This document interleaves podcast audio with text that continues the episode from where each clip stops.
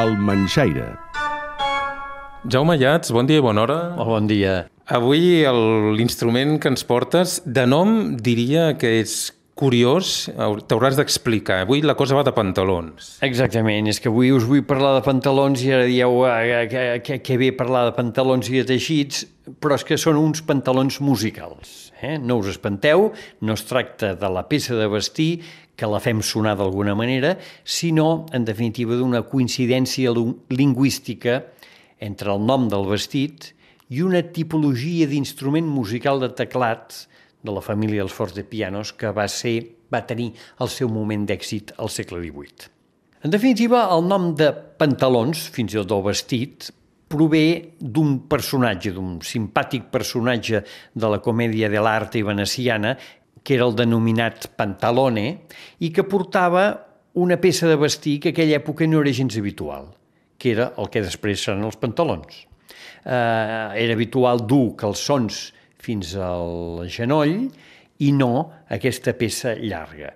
I el feia una mica estrafolari o extravagant eh, i li venia el nom, això sí, del sant venecià, del sant patró, un dels sants patrons, a Sant Pantaleone, que eh, li va donar el nom i em sembla que, a més a més, és patró així de personatges una mica estrambòtics i singulars.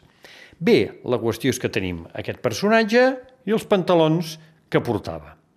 Per una altra banda, a Alemanya va existir al segle XVIII un senyor, Pantaleon Hebenstreit, nascut el 1668 i mort el 1750, i que aquest senyor, del Sant Pantaleó li va venir el nom, va inventar una mena d'instrument que era, podríem dir, un dulcímer o un saltiri, però de martells i va desenvolupar un mecanisme de martells amb moltes cordes que feia sonar, que, que picaven les cordes, i que, per tant, les feien sonar d'una manera equivalent però diferent en mecanisme del que Cristòfori va fer amb el fortepiano, que va ser l'inici del que després entendrem el piano.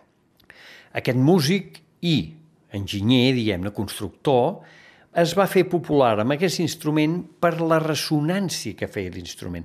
No tenia apagadors, com tindran els moderns instruments, i per tant deixava com un ambient sonor de ressonància que el va fer atractiu, especial, singular, i allò va passejar durant unes dècades per tota Alemanya i França fent-se el virtuós de tocar aquest instrument. Tenia una doble tapa harmònica, prop de 200 cordes, ja us deia, sense apagadors, imagineu-vos com ressonava, ressonava cor que vols, fent aquest entorn sonor, jo diria que màgic. N'han quedat realment poquíssims exemplars o trossos d'exemplars que pràcticament no, no, no es poden fer sonar. Però sí que n'ha quedat una idea estabilitzada i d'aquesta idea se n'ha pogut fer alguna proposta de nova construcció, de reconstrucció de l'instrument per imaginar com eh, eh, sonava. Ara bé, quan aquest senyor va deixar de recórrer Europa amb el seu instrument molt singular, mm, pràcticament no hi va haver reproduccions posteriors i va anar desapareguent amb una gran velocitat i amb la mort de l'inventor gairebé es podria dir que és la decadència absoluta de l'instrument, probablement perquè ja hi havia altres instruments, els moderns, els primers fortepianos ja una mica desenvolupats, els primers eh, grans constructors, eh, per exemple, eh, un dels noms és Zumpe, eh, aquests noms que ja van fer uns instruments que el van substituir completament. Avui en dia, aquests pantalons, a vegades es pronuncia tant a Alemanya com a França, pantaleó o pantaló, de les dues maneres, doncs aquests pantalons musicals són molt valorats i molt estudiats, perquè és com una baula desapareguda, especial d'aquest desenvolupament dels instruments, a l'emergència dels instruments de teclat amb martell. I alguns s'han dedicat a reconstruir-ne, us deia.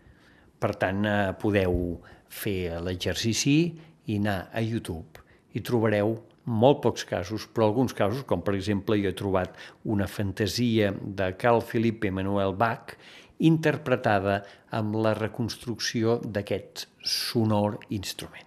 Són pantalons musicals, és divertit el, la semblança del nom, però també és una finestra oberta a imaginar unes sonoritats que probablement hem deixat abandonades dins de la història. La llista d'instruments perduts o que s'han oblidat amb el pas dels anys és enorme, no ens l'acabaríem, oi? És tan llarga que jo que figuro aquí de remana contínuament, cada dia en descobreixo algun de nou.